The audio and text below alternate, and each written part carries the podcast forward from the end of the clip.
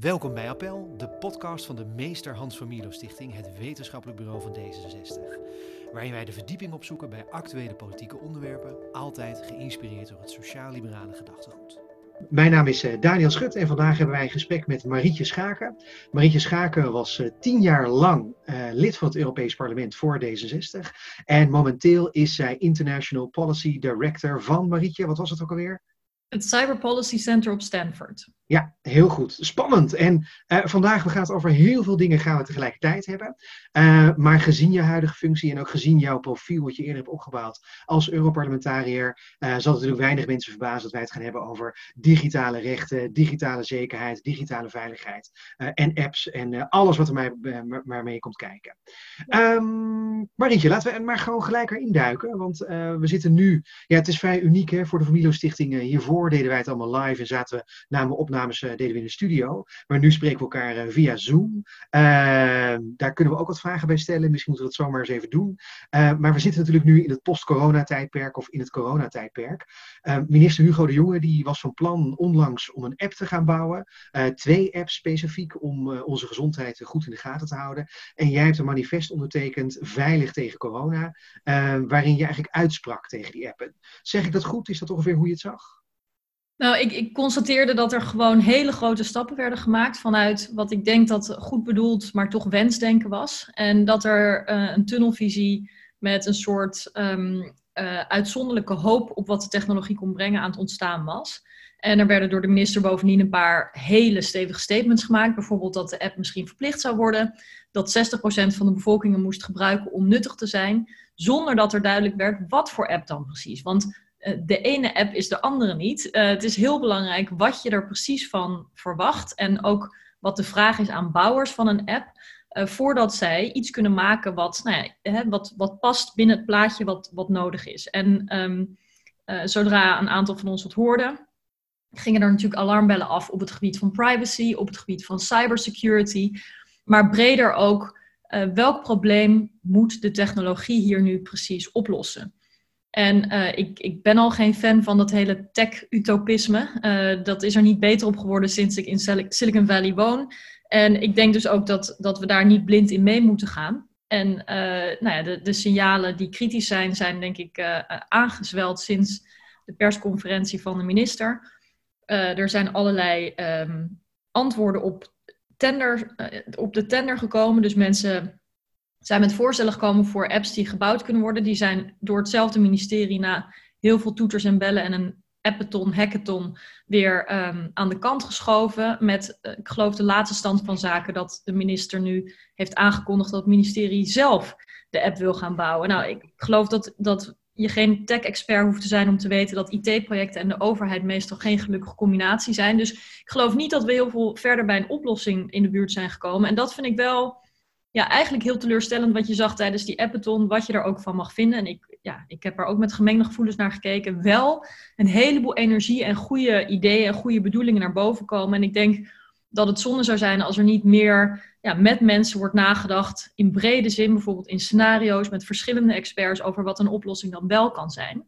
En daarvoor moet je denk ik ook ruimte voor die oplossingen hebben en niet zeggen wij hebben de oplossing al, uh, zonder dat heel duidelijk is hoe technologie daar precies in past. Ja, je, je zegt heel veel dingen tegelijkertijd. Uh, aan de ene kant zeg je um, dat het maar de vraag is of de app die gebouwd zou worden, eventueel, of die het probleem ook daadwerkelijk oplost. Tegelijkertijd stel je ook vragen bij uh, überhaupt het vertrouwen in de technologie. En daarnaast zeg je ook iets over dat je sowieso zorg hebt over, zelfs als die app de problemen zou oplossen, hoe het dan nog weer zit met veiligheid, met burgerrechten en dat soort dingen. Dus dat is een hele gelaagde kritiek die je eigenlijk geeft. Uh, ja. Zullen we eens met die eerste vraag beginnen? Hè? Dus die eerste vraag over, uh, lost zo'n app het probleem eigenlijk wel op? Um, Hugo de Jonge zei dat in grote termen bij de persconferentie. Zei gewoon, dat gaat gewoon lukken. Um, ik denk dat heel veel mensen er twijfels bij hebben gehad. Maar hoe steken die twijfels precies in elkaar over de werkzaamheid van zo'n app? Als je niet heel duidelijk kan maken wat er van een app wordt verwacht, dus welk probleem die technologie moet oplossen, dan is het ook heel moeilijk te beoordelen of het gaat werken, ja of nee. Dus een wens is niet genoeg. We moeten ja. gewoon echt kritischer daarnaar kijken. Dus de wens was om de GGD te ondersteunen bij het traceren van contacten die mensen hebben gehad. Nu kun je alleen iets zeggen over contacten van een besmet persoon met het coronavirus als je dat ook kunt testen. Uh, en op dit moment is er toch een vrij beperkte testcapaciteit in Nederland. Die is zeker niet massaal. En ook als ik met artsen spreek, dan zeggen die, ja, om, om testen goed te laten werken, heb je ook niet genoeg aan één test, maar moet je eigenlijk veelvuldig testen, omdat er marges in zitten en omdat er in theorie opnieuw besmetting zou kunnen plaatsvinden. Dus je kunt pas bijhouden in een app wat je weet van de dokter. Dus die twee factoren moeten bij elkaar komen. Dat is één. Tweede is... voor, je, voor je daar verder gaat, um, ik probeer even advocaat van de duivel te spelen. Um, er zijn mensen die zeggen, nou ja, oké, testcapaciteit dat is één ding, maar het OVG heeft ook een app ontwikkeld op basis waarvan ze met redelijke zekerheid op afstand eigenlijk al iemand kunnen diagnosticeren uh, met een corona-infectie. Wat vind je daar dan van? dan zou je kunnen zeggen, als dat zo is, wat het OVG zegt, dan is dat een prima oplossing en komt dat dus al tegemoet aan dat probleem wat jij nu kenschetst, namelijk dat je niet mensen kunt testen. Ik zou benieuwd zijn naar de redelijke zekerheid die wordt, uh, wordt beloofd. Maar ik zie ook een verschil tussen wanneer artsen uh, informatie uitvragen en dat documenteren met hun kennis. Of wanneer uh, een app die gebouwd wordt door bijvoorbeeld consultancybedrijven um, op basis van contact met een telefoon zouden kunnen zeggen dat je ook besmettingsgevaar hebt. Dus er is denk ik een groot verschil tussen mensen die zelf aangeven tot in zekere uh, mate van detail welke klachten ze hebben. Of bijvoorbeeld dat je langs iemand bent gelopen. Uh, kan met een deur ertussen, kan met een raam ertussen. Uh, kan op, op manieren dat je bijvoorbeeld zo beschermd bent dat er helemaal geen risico op besmetting is. Denk aan mensen die in de zorg werken, die continu in de buurt zijn van mensen die, die misschien wel het virus hebben. Of um, in elk geval plekken waar veel mensen bij elkaar komen, zoals een ziekenhuis, een dokterspraktijk of een apotheek maar die toch door maatregelen geen risico lopen. Dus het is niet één op één te zeggen dat nabijheid, waar een heleboel van die apps van uitgaan, dus um, het traceren van nabijheid, dat dat ook uh, doorslaggevende resultaten geeft. Er is zowel risico op valse positieve als valse negatieve. Uh, en um, uh, die factoren moet je ook meewegen. Dus pas als je echt kunt onderzoeken hoe zo'n uh, serie aan maatregelen op elkaar inwerkt, kun je denk ik iets zeggen over wat voor app je nodig zou hebben en ook uh, of die veilig genoeg gemaakt kan worden. En als het antwoord daarop nee is, vanuit privacy of cybersecurity perspectief, zijn dat nieuwe zorgen. Dus niet alleen over of je het in theorie kunt bijhouden, maar ook of je dat kunt doen uh, binnen de kaders van de wet. En ik, ik denk dat we in een crisis, zeker als D66, heel erg scherp moeten zijn op rechtsstatelijkheid en het niet weggeven van vrijheden en verworvenheden en grondrechten die we uh, misschien wel niet meer terugkrijgen. Ja, ja. Het, ik, ik onderbrak je net, hè. je zei ten eerste, ten tweede. Uh, het ten eerste was dus dat je zei van uh, de vraag is dus in hoeverre het effectief is. Wat was het ten tweede?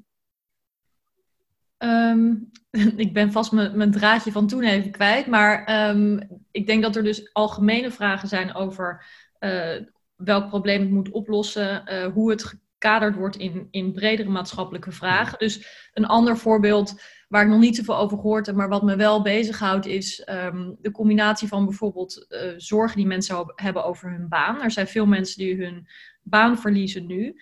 Stel je gaat een groot bedrag uitgeven als overheid aan uh, het traceren van contacten, dan zou je er ook gewoon voor kunnen kiezen om meer mensen aan te nemen. Waardoor dus dat geld wordt uitgegeven aan personen die dan weer uh, werk hebben, in plaats van aan grote techbedrijven die waarschijnlijk een veel grotere buffer hebben dan uh, individuen die, die bijvoorbeeld uh, tijdelijk ingeschakeld kunnen worden om mee te helpen bij GGD-contacttracering. Het is gewoon een, een andere soort insteek dan om in eerste plaats de technologie heilig te verklaren en daarna te bedenken hoe, hoe alle kritische vragen hoe dan ook opgelost kunnen worden. Want dat ja. is een beetje het mantra op het ministerie van de app moet en zal er komen. Terwijl ik denk dat er ook andere uh, oplossingen denkbaar zijn. In Nieuw-Zeeland hebben mensen dagboekjes bijgehouden met wie ze zagen, waardoor ze zelf al heel erg voorbereid waren op het contact traceren. En je dus ook een soort onderwijs van, uh, van uh, hoe noem je dat? Ja, gewenning en, en um, aanpassing van gedrag binnen de samenleving krijgt. In plaats van dat mensen denken, niks gehoord van de app, dus niks aan de hand. Ik ga gewoon weer lekker uh, op, op Koningsdag uh, met mijn vrienden, uh, weet je, in een groepje een drankje drinken of naar het park of wat dan ook doen. Er, er zal nog steeds voorzichtigheid nodig zijn. En je wil niet dat mensen vanuit een idee van schijnveiligheid gebracht door de app hun eigen gedrag niet meer in ogenschouw nemen. Ja, ook hier is het weer heel gelaagd wat je zegt. Hè. Aan de ene kant zeg je dus, uh, een app geeft schijnveiligheid, waardoor mensen dus juist uh, rare vormen van gedrag gaan vertonen. En het probleem van corona misschien juist erger kan worden, juist door zo'n app. Uh, dus niet alleen lost het het niet op, zeg je, maar het kan het zelfs misschien nog wel erger maken. Eh, en aan de andere kant zeg je ook iets interessants. En, en dat raakt misschien wel aan wat je eerder zei over het utopisme.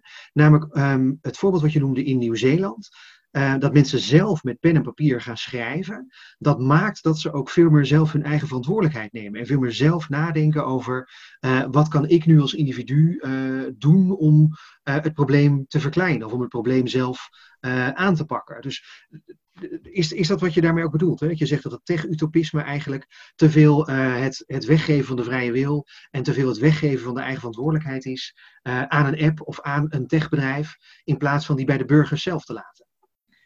Ja, dat is in elk geval een risico. En um, ik, ik denk dat het heel goed is als, als er door iedereen wordt meegedacht. En er wordt ook in alle andere vormen van beleid in Nederland een beroep op gedaan. Er wordt de gezegd: nee, wij gaan geen dwingende lockdown doen. Wij willen een intelligente lockdown. We doen een beroep op uw gevoel voor eigen verantwoordelijkheid. Denk aan elkaar. Uh, alleen samen kunnen we het oplossen. Dus eigenlijk toch een relatief liberale visie op hoe we dit het beste kunnen doen. En dan zou in het kader van die app die hele liberale inslag opeens volledig overboord gegooid worden en een soort dwingende uh, oplossing worden ingevoerd. Ja, ik, ik vind dat niet met elkaar rijmen en ik denk ook dat dat uiteindelijk gewoon niet gaat werken. Dus zelfs als het nu toch wordt doorgezet, en daar lijkt het wel op, hoewel het na veel interactie nu opeens verbazend stil is vanuit VWS. Het is ook niet duidelijk wat mij betreft wat er nu precies aan het gebeuren is daar.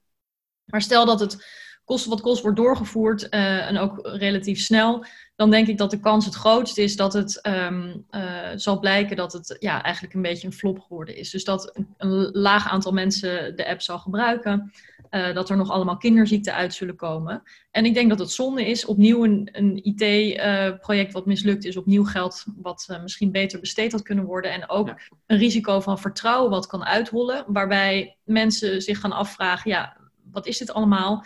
Terwijl je veel liever wil dat, dat er een soort, ja, uh, ook gedeelde verantwoordelijkheid, een gedeeld proces ontstaat waarbij, uh, waarbij dat vertrouwen juist vergroot wordt. In dat, nou, dat er goed wordt nagedacht en uh, zorgvuldig wordt gehandeld door de minister en andere verantwoordelijken. Ja, wat nu wel bij me opkomt is de vraag.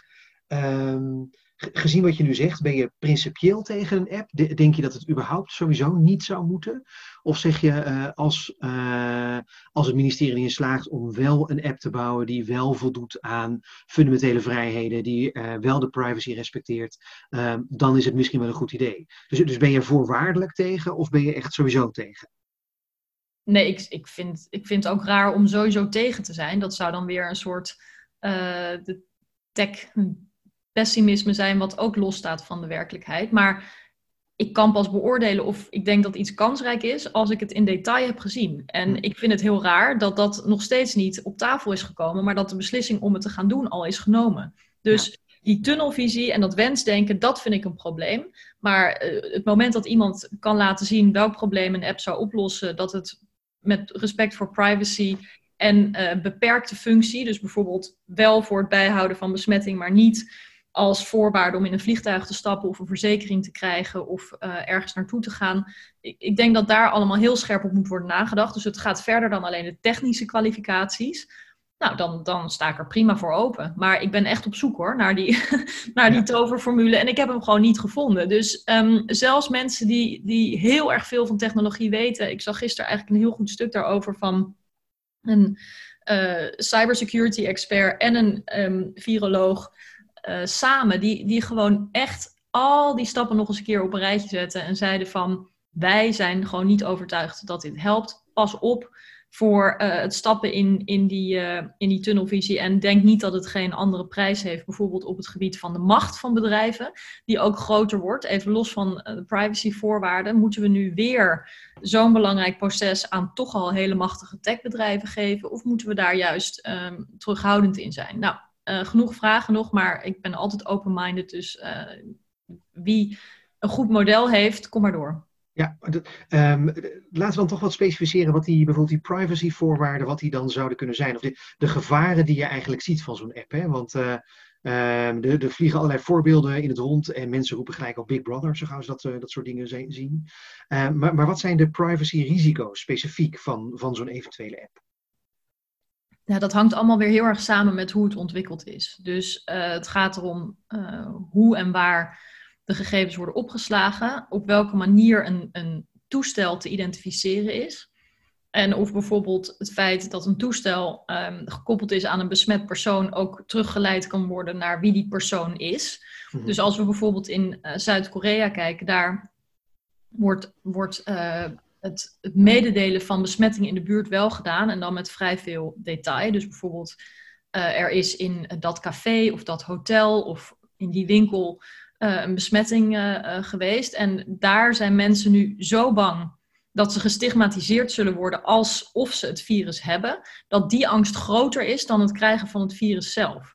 Om dat dus wel eens na te gaan over wie het gaat. Zeker in kleinere gemeenschappen kun je je voorstellen, of als je heel weinig mensen ziet, dan is het misschien in theorie wel zo dat je bijvoorbeeld niet hoort dat je het van, van Piet hebt gekregen. Maar op het moment dat Piet de enige is die je hebt gezien omdat het je dokter was, of de enige persoon is die is langs geweest omdat het uh, de thuiszorg was of de postbode, ja, dan, dan is het toch na te gaan. Dus je moet daar denk ik breed over nadenken, zowel in de technologie. Nou, daar zijn, naar ik begrijp, goede oplossingen voor. Dus gedecentraliseerd opslaan, uh, zorgen voor um, voorwaarden in hoe die, hoe die contacten tussen telefoons plaatsvinden, waarbij uh, bijvoorbeeld Bluetooth, waar veel over wordt gesproken, ook weer nieuwe veiligheidsvragen met zich meebrengt. Want als dat de hele tijd open staat, kun je mensen daar ook eh, technologisch misbruik van maken, zeg maar.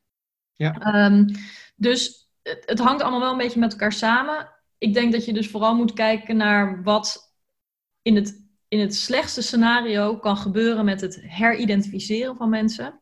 En uh, ja, hoe je daarvoor moet oppassen, omdat, omdat soms um, toch ja, een combinatie van data, dus niet één dataset, maar een combinatie van dataset weer herle herleid kan worden naar een persoon. En ja, dat, dat is niet de bedoeling. Ja, het, voor een leek zoals ik zelf lijkt er een beetje op alsof je zegt. Um, het is bijna praktisch onmogelijk om het op een goede manier te doen. Simpelweg vanwege het feit dat die app moet bepaalde informatie hebben. Namelijk de informatie is, jij bent in de buurt geweest van een besmet persoon. Die app en die dataset ergens weet dus eigenlijk wel wie die persoon is. Maar in de communicatie naar de gebruikers toe uh, moet hij die kennis als het ware weer verstoppen. Uh, dus en, en dan is het voor een gebruiker dan weer heel makkelijk om dat bij elkaar te leggen en te zeggen, nou, uh, de app vertelt mij dat ik gisteren in de buurt van een besmet persoon ben geweest. Ik heb gisteren alleen maar de huisarts gezien, of ik heb gisteren alleen maar de postbode gezien. Dus dat moet dan de postbode wel zijn. Dus, dus in de eerste stap is die kennis, die is al aanwezig. Die moet bewust uit, die, uit de communicatie in de, van de app moet die weggehaald worden. Maar de gebruiker kan het dus weer terugredeneren. Simpelweg vanwege de gegevens die hij krijgt. En het slim combineren van de. Dat is het scenario. Kijk, ik denk dat het technisch gezien in principe mogelijk is om dit zonder veel risico te doen. Maar daar moet je eigenlijk ook veelvuldig op testen. En ook vanuit onafhankelijke clubs. Dus niet dat een bedrijf zelf zegt: hé, hey, we hebben het al getest, alles is in orde. Want dat accepteren we ook in andere omstandigheden niet. We willen graag dat geneesmiddelen onafhankelijk getest zijn, dat auto's onafhankelijk getest zijn. En dat moet je ook hebben als je zo'n app gaat invoeren. Dus laat hackers het maar proberen uh, kapot te hacken. Laat mensen maar kijken of ze toch die datasets weer bij elkaar kunnen brengen. Dat is echt ook een voorwaarde voordat je zoiets kunt uitrollen. Dus ik hoor van mensen dat het kan. Oké, okay. uh, ik, ik zou dan denken, uh, laat het, laat het uh, onderzocht worden. dat is één. Maar het tweede is dus, en dat komt veel meer op maatschappelijke impact uit. Want het gaat dan niet meer alleen maar om of die app het goed kan bijhouden, maar of je door een combinatie van factoren er toch kunt achterkomen van wie het dan komt. En um, ja, hoe erg is dat? Laten we daar dan ook uh, een debat over hebben. Want um, misschien moeten we ook heel veel doen aan het wegnemen van een stigma als mensen het virus hebben. Maar dan kom je dus gaandeweg van een technologische discussie en een discussie over privacy en veiligheid, die heel belangrijk is, naar een bredere maatschappelijke discussie. En een pleidooi van um, een aantal wetenschappers, wat ik ook heb ondertekend, is kijk nou naar het totaalpakket. En sta je niet blind op die technologie. Dus dan komen we eigenlijk weer terug bij het begin, dat een technologie kan wel ondersteunend zijn aan andere processen, maar kan aan zich niet als een soort wondermiddel worden ingezet. En uh, de combinatie van factoren, Gewoon hoe we maatschappelijk hiermee omgaan, uh, wat we verwachten van mensen, hoe we ook een, een, ja, een afweging ma maken tussen bijvoorbeeld volksgezondheid en economische belangen, uh, tussen, tussen um, nadruk op zorg of onderwijs, ik noem maar wat. Allerlei verschillende stukjes die bij elkaar kunnen komen, die spelen ook een hele belangrijke rol. En dat dan weer in combinatie met bijvoorbeeld testen, maar ook uh, mondbedekking, waar je, waar je echt ziet, ook in Duitsland, uh, ook in Californië, dat dat gewoon verplicht gesteld wordt inmiddels. Terwijl we in Nederland het niet verplicht stellen, omdat de capaciteit er niet is. Dus je, je kunt eigenlijk niet één ding isoleren. Je kunt ook niet zeggen, op het moment dat iedereen een mondmasker opdoet, is het probleem opgelost. Het zal allemaal met elkaar te maken hebben en je moet dus ja, moet met een soort open blik uh, de verschillende factoren bij elkaar brengen en niet met een tunnelvisie op de technologie suggereren dat dat um, ja, eigenlijk een, een, relatief eenvoudige oplossing is. Ik denk dat daar ook verwachtingen mee geschapen worden. Wij hebben het heel veel over risico's natuurlijk, omdat het ook bij onze partij past om na te denken, pas op privacy en databescherming. Maar ik ken ook mensen die denken, joh, wat zit je nou te zeuren? Dan is er zo'n app, is een goede oplossing. Dat is gewoon makkelijk, fijn, hè, hè, eindelijk, weet je wel, kan ik ook weer naar buiten. En dan zit jij, zit jij moeilijk te doen. Uh, en uh, het, het, schept dus ook hoop in dat er, dat er iets opgelost kan worden. Nou ja, als je die verwachting eenmaal hebt gecreëerd, en volgens mij is dat ook wel gebeurd, dan um, kun, je, kun je daarmee ook ernstig teleurstellen op het moment dat dat niet wordt geregeld. Ja, um, ik denk dat het maatschappelijk debat wat, uh, over de angst voor corona versus de angst voor de risico's van zo'n app. Uh, en dat we die misschien niet helemaal goed meer inschatten. Dat we die straks nog even, dat we daar nog even goed naar moeten kijken. Uh, maar dat laatste wat je nu zegt, dat is wel interessant, hè, over de hoop die het wekt. Um, ik ken bijvoorbeeld mensen in mijn eigen omgeving, uh, Nederlanders, die hebben bijvoorbeeld de apps die er uit andere landen voortkomen, die hebben die al gedownload. Uh, er is een app, uh, inderdaad de Zuid-Koreaanse app, maar die kun je alleen maar binnen Zuid-Korea kun je die gebruiken. Maar er zijn wat andere apps van andere instanties, die, daar kun je dan je symptomen invullen en dan kun je kijken van hoe het dan precies in de buurt gaat en dat soort dingen en zo. en dat vullen mensen dan individueel gewoon echt ontzettend graag, vullen ze dat in. Um, waar ik van aan denk is, het ene is, zeg je, je zegt Misschien hopen we te veel van zo'n app, verwachten we te veel. Uh, maar tegelijkertijd zeg je ook uh, dat het ook belangrijk is om te kijken naar wie nou de afzender is van die app. Uh, maakt dat voor jou ook nog heel erg uit, wie de afzender is van zo'n app? Uh, ja, zeker. Omdat de waarde van de afzender en ook de waarborgen, afhankelijk van de plek van de maker of de afzender, ik weet niet of een afzender het helemaal is, maar dat die natuurlijk heel erg belangrijk zijn. Dus niet niet per se, uh, maar wel uh, vertaald naar de combinatie van ja, wie, wie is hier de architect eigenlijk, hè? de ja. bedenker, uh, in politieke zin, maar ook in technologische zin. En hoe vertaalt zich dat naar de uitkomst? Dat is natuurlijk heel erg belangrijk. daarom waren er ook mensen die, daar hoor ik ook bij, die gewoon principieel dachten, moeten we nou appbouwers van buiten de EU hier aan mee laten doen? Want we willen dat het allemaal binnen Europese kaders van rechtsstatelijkheid past. En als je dan uh, nou ja, een, een appbouwer uit, ik noem maar wat, Israël of uh, Singapore hebt, is dat dan uh, gewaarborgd? Waar gaat die data dan naartoe? Op wat voor servers? Dus het is uiteindelijk heel belangrijk, maar, maar niet alleen waar, waar um, de afzender of de maker of de bedenker of de eindverantwoordelijke is, maar ook met wat voor doelstellingen en, en kaders diegene dat doet. En dan zie je dus ook in Nederland dat er notabene door de inlichtingendiensten aan de noodrem wordt getrokken. Ja. Vanuit zorgen over, over de veiligheid. En dit hele proces bracht bij mij echt iets heel vreemds naar boven. Namelijk een soort nostalgie naar het debat rondom de wet op de inlichtingen uh, en veiligheidsdiensten. Toezicht daarop. Want um, de hele de discussie toen was echt een, nou ja, alsof, alsof onze eigen inlichtingen en veiligheidsdiensten ongeveer het kwaad uh, belichaamden. Terwijl ik denk dat dat absoluut niet zo is, maar wel dat er hele belangrijke um, kaders om hun gedrag en bevoegdheden moeten staan en dat we daar heel scherp op moeten zijn. Maar inderdaad, wat jij schetst, zodat mensen nu zeggen van nou, ik ben alvast begonnen en uh, doe mij die app maar en ik vul alles gerust in, alles beter dan binnenzitten. Die die indruk komt door een schijntegenstelling. Dat namelijk de app de enige sleutel naar buiten is. Hè, naar, naar weer uh, met elkaar naar buiten kunnen. En uh, daarom is het ook belangrijk dat de afzender van de boodschap, namelijk de minister, geen valse verwachtingen schept. Zowel geen valse hoop als geen valse angst. En daarvoor is transparantie en helderheid over details essentieel. En die zijn sinds de appathon gewoon niet meer gegeven. Ja. Um, ondertussen heeft VWS gezegd, uh, we gaan het allemaal zelf eh, ontwikkelen. Dat gaf je net ook al aan. Um, dat is natuurlijk een raar besloten proces, hè, dat VWS dat nu zelf gaat proberen. Maar tegelijkertijd heeft Hugo de Jonge gezegd, um, we gaan dan wel de broncode gaan we openbaar maken. Dus het wordt open, open source wordt het. vormt dat open source niet voor jouw gevoel een goede garantie tegen uh, hackbaarheid en misbruik en privacy zorgen? Of zie je dat anders? Het is wel een voorwaarde, zodat er dus onafhankelijk toezicht op kan zijn, maar het is niet het enige. Ja, ja. Wat zou er dan meer moeten zijn? Nou ja, dus een duidelijke functieomschrijving om maar eens uh, te beginnen. Ja. Um, en duidelijke afbakening van uh, de functie die het heeft. En daar is misschien ook wel wetgeving voor nodig hoor. Dus bedoel, je kunt niet de app laten bepalen waar het allemaal gebruikt voor kan worden. Want op het moment dat bedrijven dus gaan eisen dat jij bijvoorbeeld je, je status overhandigt, ja, dan, dan moet daar misschien wel juist een, een beperking op zitten. Zodat het dus niet sluipenderwijs opeens een veel belangrijker onderdeel wordt van, van ons, uh, ons leven dan de bedoeling was. Dus, ja. Dat wou ik je inderdaad nog vragen, vanuit, jou, vanuit jouw eigen perspectief inderdaad. Um, het, het, is denk ik heel makkelijk voor veel voorstanders van die app om te zeggen, nou ja, we gaan het, we gaan het schragen met allemaal waarborgen, zodat we zeker weten dat het alleen maar voor het doel gebruikt wordt dat, dat we willen dat het gebruikt wordt. Um, maar die scope creep, die is natuurlijk, de kans daarop is natuurlijk gigantisch groot. Hè? Uh, precies wat je aangaf, uh, vliegtuigmaatschappijen, uh, werkgevers, heel veel andere situaties, dat je zelfs in de bus een probleem kan krijgen. Van mag je wel in de bus stappen? laat eerst maar eens even je status zien. Hoe, hoe, dat is toch onhandhaafbaar dat, dat het niet die scope creep zou gaan, dat die niet zou gaan plaatsvinden?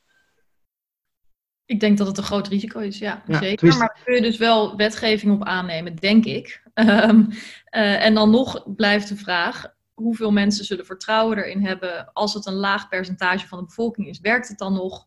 Um, wat zijn de randvoorwaarden waarbinnen, waarbinnen dit zou kunnen werken? En kunnen die randvoorwaarden in combinatie met elkaar eigenlijk wel bestaan? Uh, ja daarnaast denk ik dat, we, we hebben het nu ook over functiecreep, uh, hoe noem je dat, gebruikscreep, um, uh, die we eigenlijk kunnen zien, hè, dus waar we iets bij kunnen voorstellen. Bijvoorbeeld in de bus, zoals je zei.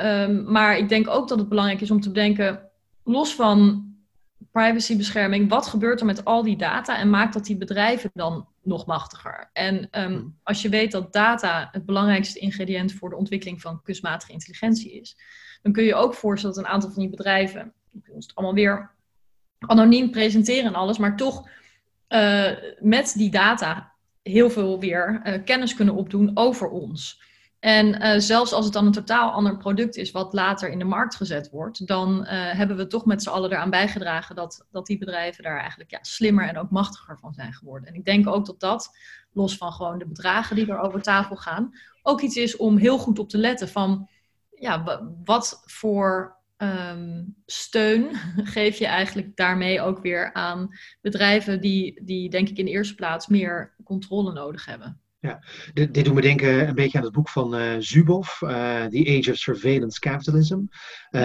waarin ze heel duidelijk uitlegde, het begon met Google, die als eerste ontdekte dat je ge gebruikersdata eigenlijk kunt verkopen, daar heel veel analyse op los kunt maken, aan adverteerders kunt verkopen. En dat wij gebruikers niet eens doorhebben dat die data, dat, dat we in, als het ware in een soort andere tunnel van de werkelijkheid zitten. Dat, dat er dus een hele wereld om ons heen zit van adverteerders die allemaal maar bepalen welke advertenties we allemaal zien en ja. Welk narratief van ons verkocht wordt. Um, daar lijkt het een beetje op wat je nu zegt. Uh, maar, dan denk ik wel, dat dacht ik namelijk ook bij het lezen van het boek Surveillance Capitalism. Uh, misschien is het dat het nu 2020 is en ik me niet meer kan indenken hoe het was toen het 2000 was en Google nog in de kinderschoenen stond. Maar wat is daar nou precies zo erg aan dat grote bedrijven die advertenties maken net wat specifieker weten dat ik nu, ik heb twee jonge kinderen thuis, wel behoefte heb aan luiers. En over vijf jaar, als die twee jonge kinderen uit de luiers zijn, dat niet meer hebben. Wat is daar erg aan? Dat mensen die data kunnen gebruiken om modellen te bouwen van mijn gedrag? Er zitten allerlei kanten aan. Uh, er zitten bijvoorbeeld mededingingskanten aan. Dus bijvoorbeeld dat een bedrijf wat weet welke boeken jij graag leest, niet alleen dat kan gebruiken om jouw andere aanbiedingen van boeken te doen, maar bijvoorbeeld juist ook uh, hele andere producten. Dus laten we maar even bij het thema wat je zelf aansneedt blijven, uh, luiers bijvoorbeeld. Uh, en als je dan kijkt naar Amazon of, of hè, platforms waar veel wordt verkocht, dan zien we dat, um, dat er zorgen zijn over dat die bedrijven alles weten over consumentengedrag. En dan soms ook die producten die veel gekocht worden, dus populaire producten, kan een pannetje zijn, kan een zonnebril zijn, kan een, uh, een boek zijn, dan ook zelf gaan produceren.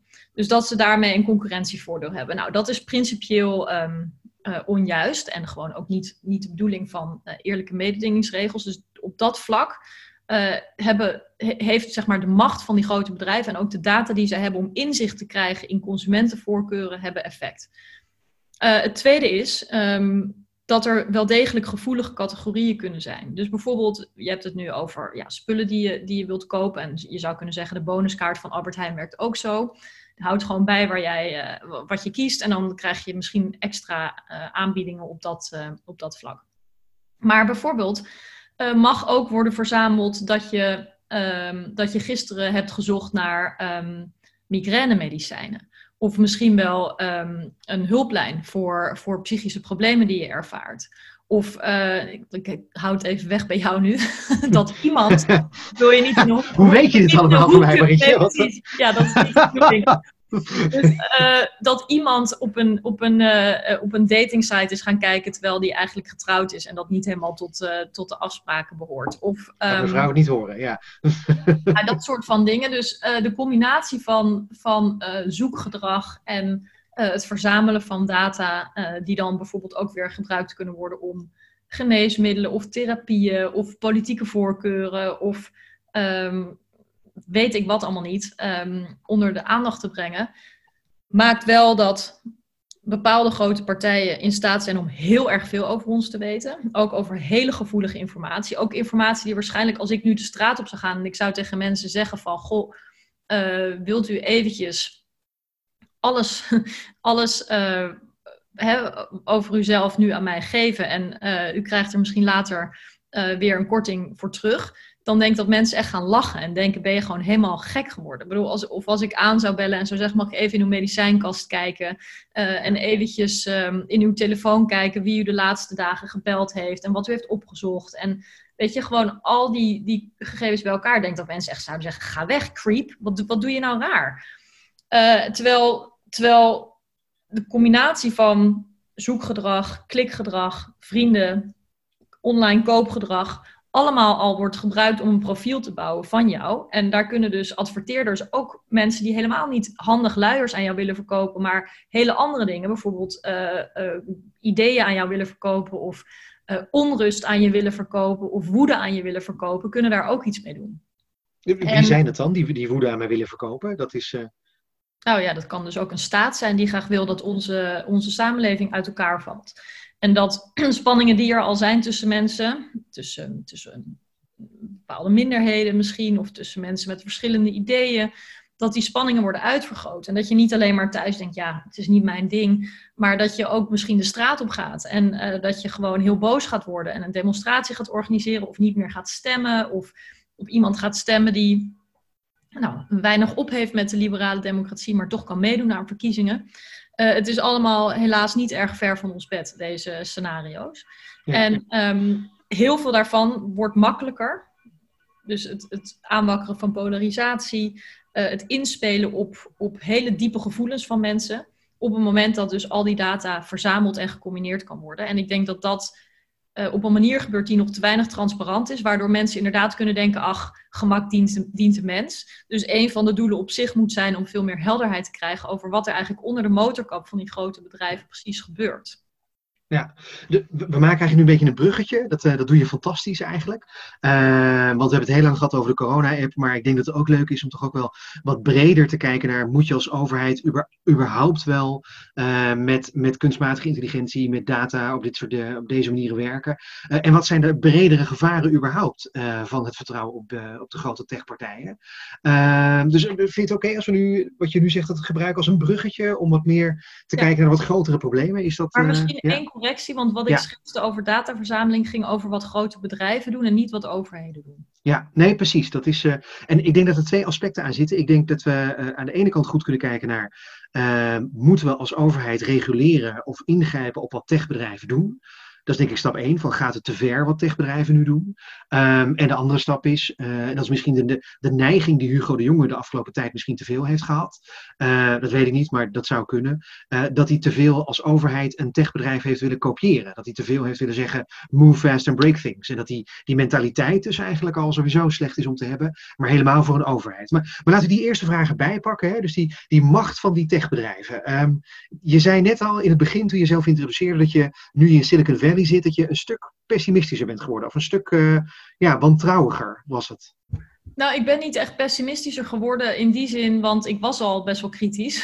Ja. Alleen, ik zie nu van dichtbij en ik hoor nu ook met veel meer detail van mensen die bijvoorbeeld onlangs zijn weggegaan uh, als, als uh, werknemer bij die bedrijven. Of die worstelen met, met het soort verantwoordelijkheid wat ze, wat ze hebben. Dus ik, het geeft me wat meer kleur en inzicht. En dat heeft me in elk geval niet optimistischer gemaakt. Dus daar heb je gelijk in.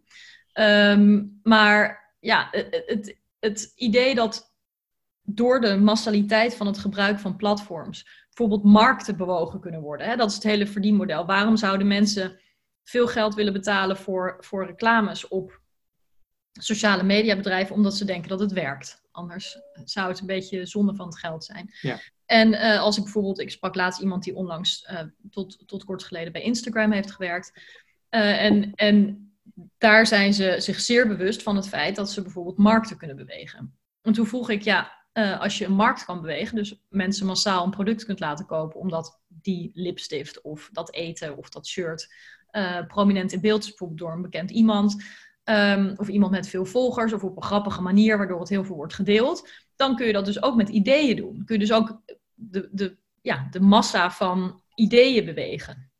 Ja, ja, ja, dat kan dan ook wel. Toen zei ik, en hoe vaak hadden jullie het eigenlijk over gewoon de, de macht die jullie hadden in relatie tot de democratie? Want ik vind, zeg maar, meer of minder lipenstiften verkocht nog één ding, maar um, uh, meer of meer stemmen de ene of de andere kant op, weten wij ook als partij. Dat is gewoon echt ongelooflijk belangrijk. En ja. um, dat, dat moeten mensen wel op basis van ja, uh, een goed publiek debat en helder informatie uh, kunnen doen.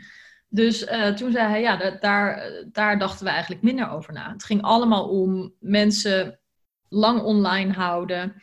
Um, om ervoor te zorgen dat de producten gewoon steeds meer aansluiten bij de wensen van mensen. En ik hoor inmiddels ook mensen in Silicon Valley zeggen, dat gebeurt ook vaak voor een groep of een klas, dan zeggen ze, wie van jullie heeft het idee dat, dat jullie telefoon naar je luistert? Omdat ze precies het soort aanbiedingen geven waar je al mee bezig was, weet je wel? Dus um, weet ik veel, je bent in een mail uh, aan een vriendin aan het zeggen, zullen we een weekendje naar Londen gaan? Nou, dat een leuke tijd was dat toen je daar nog over kon mailen. Ja. Uh, maar, maar, stel je doet dus een voorstel en dat je dan daarna een, een reclame van een, van een hotel in Londen krijgt of, of wat dan ook.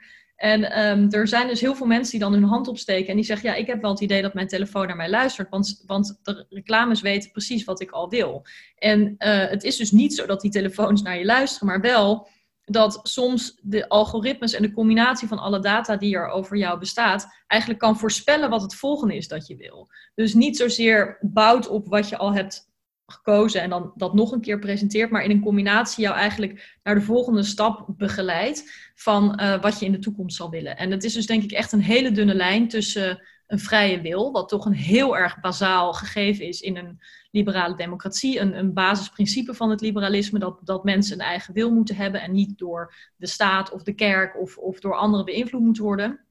Nou, die staat denk ik onder druk op het moment dat uh, een algoritme meer over jou weet dan je zelf weet en dat heel gericht inzet, vaak om iets te verkopen. En dat kan ja. uh, tijd online zijn, dat kan een product zijn, dat, dat kan van alles zijn. Maar um, nou, ik denk dat we daar heel scherp op moeten zijn, juist vanuit de overtuiging dat de liberale democratie en onze verworvenheden veel waard zijn. Ja, het, het bekende voorbeeld uh, wat een tijd geleden in de media is verschenen, is dat uh, Facebook al kon voorspellen wie homoseksueel was. Uh, en dat vaak al advertenties op mensen richten nog voordat ze überhaupt zelf actief hun coming out hadden gedaan. Ja. Ik weet natuurlijk niet in hoeverre die mensen zelf dat ook al voor zichzelf hadden gedaan, die coming out. Maar, maar het is natuurlijk raar dat er publieke data is die al zegt, deze persoon is homoseksueel. Die leeft in een context. In sommige landen is dat natuurlijk gewoon een normaal geaccepteerd feit, maar in andere landen kan het heel gevaarlijk zijn. Uh, om daarvoor uit te komen, om het hardop te zeggen. En als die data dus beschikbaar is, dan kan het voor zo'n persoon dus betekenen dat je vervolgd wordt uh, en dat je nog niet eens iets bewust hebt gezegd, uh, maar dat je toch inderdaad in de problemen komt eigenlijk. Ja, maar ook los van of je in de problemen komt, dat is natuurlijk een vreselijk scenario. Maar ook gewoon, is het wenselijk dat bedrijven dit allemaal weten? Dat weten, Omdat je een aantal ja. muzieksmaken hebt aangeklikt of dat je op plekken bent geweest Hè, er zijn allemaal straten waar bekend is dat er veel kroegen zijn waar um, uh, bijvoorbeeld uh, een, een, gay uh, nachtleven is. Um, ja, de vraag is, moet dat allemaal wel zo geanalyseerd worden? En ook, wat kunnen mensen daarmee? Dus stel dat een bedrijf zijn nu, ja, stel dat een bedrijf dus bepaalde minderheden, kunnen kan allerlei soort minderheden zijn, liever niet wil bedienen. Dat mag helemaal niet offline, want er mag geen discriminatie plaatsvinden. Maar Stel dat zij door slim met die data om te gaan denken van, nou, uh, ik wil gewoon in mijn flatgebouw geen uh, paarse mensen of geen groene mensen of geen blauwe mensen. Dus filter die er maar uit als mijn advertenties gepresenteerd worden. En dit klinkt misschien heel raar, heel, heel uh, futuristisch, maar er is nu al een rechtszaak gaande van het Amerikaanse ministerie van Volkshuisvesting, notabene, wat zegt dat Facebook dit soort discriminerende praktijken heeft toegestaan. En het is dus zelfs voor de Amerikaanse overheid niet mogelijk om de vinger daarachter te krijgen. En dus klagen ze het aan. En dan kan het misschien in het proces van die rechtszaak duidelijk worden. Dus ook hier zie je dat, uh, dat het gebrek aan transparantie over of de praktijken die al gevoerd worden wel in lijn zijn met de wet, namelijk niet discrimineren, of die wel gerespecteerd worden. En ik denk dus dat, dat het gebrek aan inzicht door wetenschappers, door toezichthouders, door parlementariërs, door journalisten een probleem aan zich is. Hoe het precies werkt. En dat leidt misschien tot wilde speculaties. Misschien hebben wij een speculatie gedaan vandaag. Misschien heb ik een speculatie gedaan die niet helemaal correct is. Maar uh, dan komt dat omdat zelfs de beste wetenschappers waar ik mee werk heel weinig weten over wat er nu precies daar binnenin de radar van uh, onze gigantische informatiearchitectuur gebeurt. Ja. Uh, wat we wel weten is dat het modellen zijn die gebouwd zijn om zoveel mogelijk reclame te verkopen en niet gebouwd zijn om de democratie en de rechtsstaat en uh, de samenleving als geheel inclusief en toegankelijk voor iedereen zo sterk mogelijk te houden. En dat wringt. Ja, wat kun je als overheid dan doen om die macht van die techbedrijven te breken? In de jaren uh, 10, 20 uh, van de vorige eeuw, uh, daar zijn de grote monopolies zijn opgebroken in Amerika. Hè? Maar wat kunnen wij dan als overheid, Nederland, Europa, misschien wereldwijd, doen om bijvoorbeeld die macht van Google, Facebook en Instagram en al die andere tenten, ja, Instagram, Facebook is natuurlijk hetzelfde bedrijf, ja. Eh, om die op te breken? Het hangt er vanaf wat je doel is, maar ik denk dat we in elk geval moeten zorgen dat principes waar hard voor gestreden is. Dus bijvoorbeeld inderdaad, laten we bij, bij eerlijke marktregels en mededinging beginnen. Uh, kijken naar uh, non-discriminatie als principe. Of het nu is op basis van um, uh, geaardheid of etnische achtergrond of religie of leeftijd of seksen. of of um, andere overtuigingen. En dat staat allemaal in de wet en niet voor niets. Alleen de vraag is, wordt dat, wordt dat in de praktijk nou ook gerespecteerd? Uh, daar zou je, zou je denk ik uh, scherper op moeten toezien. Je kunt je ook afvragen, voldoen een aantal van onze regels en beschrijvingen van bijvoorbeeld het, de markt, als je kijkt in de context van mededinging, voldoen die nog? Of, of moet je eigenlijk constateren dat sommige bedrijven zowel een marktfunctie hebben, bijvoorbeeld Facebook, maar ook een enorme rol in het maatschappelijke debat en een enorme ruimte in het maatschappelijke debat eigenlijk vormgeven? Uh, zonder dat we bijvoorbeeld, zoals we dat op televisie doen, kunnen, kunnen zorgen dat bepaalde stemmen gehoord worden en dat er een soort pluriformiteit in het aanbod bestaat. En op het moment dat jonge mensen eigenlijk vooral hun informatie van sociale media afhalen, heeft dat gewoon massale impact. Uh, en nou, je kan ook kijken naar, naar of het wenselijk is dat sommige mensen helemaal geen nieuws meer zien. Alleen maar entertainment en um, wat dat doet. Uh, of, dat, of dat erg is, of dat je echt proactief moet proberen daar ook publieke informatie tussen te krijgen. Uh, je, hebt, je hebt vragen over desinformatie. Daar hebben we het vandaag nog niet zo heel veel over gehad. Maar dat is in het kader van het coronavirus ook een heel belangrijk thema. Van, uh, ja, kunnen mensen die die algoritmes net wat beter begrijpen of er meer geld aan kunnen uitgeven, kunnen die gewoon verzinselen, samenzweringstheorieën, polariserende berichten in onze uh, in ons vizier duwen eigenlijk, zonder dat we zelf doorhebben dat daar een hele agenda achter zit. Dus er is een heel scala aan dingen waarvan ik denk, net zoals bij die app eigenlijk. Uh, je kunt niet denken aan één oplossing om de macht van de technologiebedrijven te breken. Maar je kunt wel zeggen, wij hebben principes in onze vrije samenleving. Daar is over gestemd, daar is over gedebatteerd, daar is voor gestreden. En die gaan we niet zomaar uitbesteden aan bedrijven en dan maar hopen dat er uh, uit, uit de grabbelton weer iets goeds naar boven komt. Ja, als ik je samenvat, je zegt eigenlijk ook, uh, het is dus niet één maatregel die je kunt nemen, maar je geeft wel een soort duidelijke avenue, een paar richtingen aan. Eentje is marktmacht heel erg gebruiken, dus duidelijk, uh, tenminste als principe, hè, zeggen dat machtconcentratie op een markt dat sowieso niet goed is. En aan de andere kant democratische principes, namelijk een debat open en eerlijk houden, zodat alle meningen op een goede manier gebalanceerd worden. En dus misschien zelfs ook, en dan breng je het weer heel mooi terug eigenlijk naar de discussie van het begin, namelijk over wat we moeten doen over, tegen corona.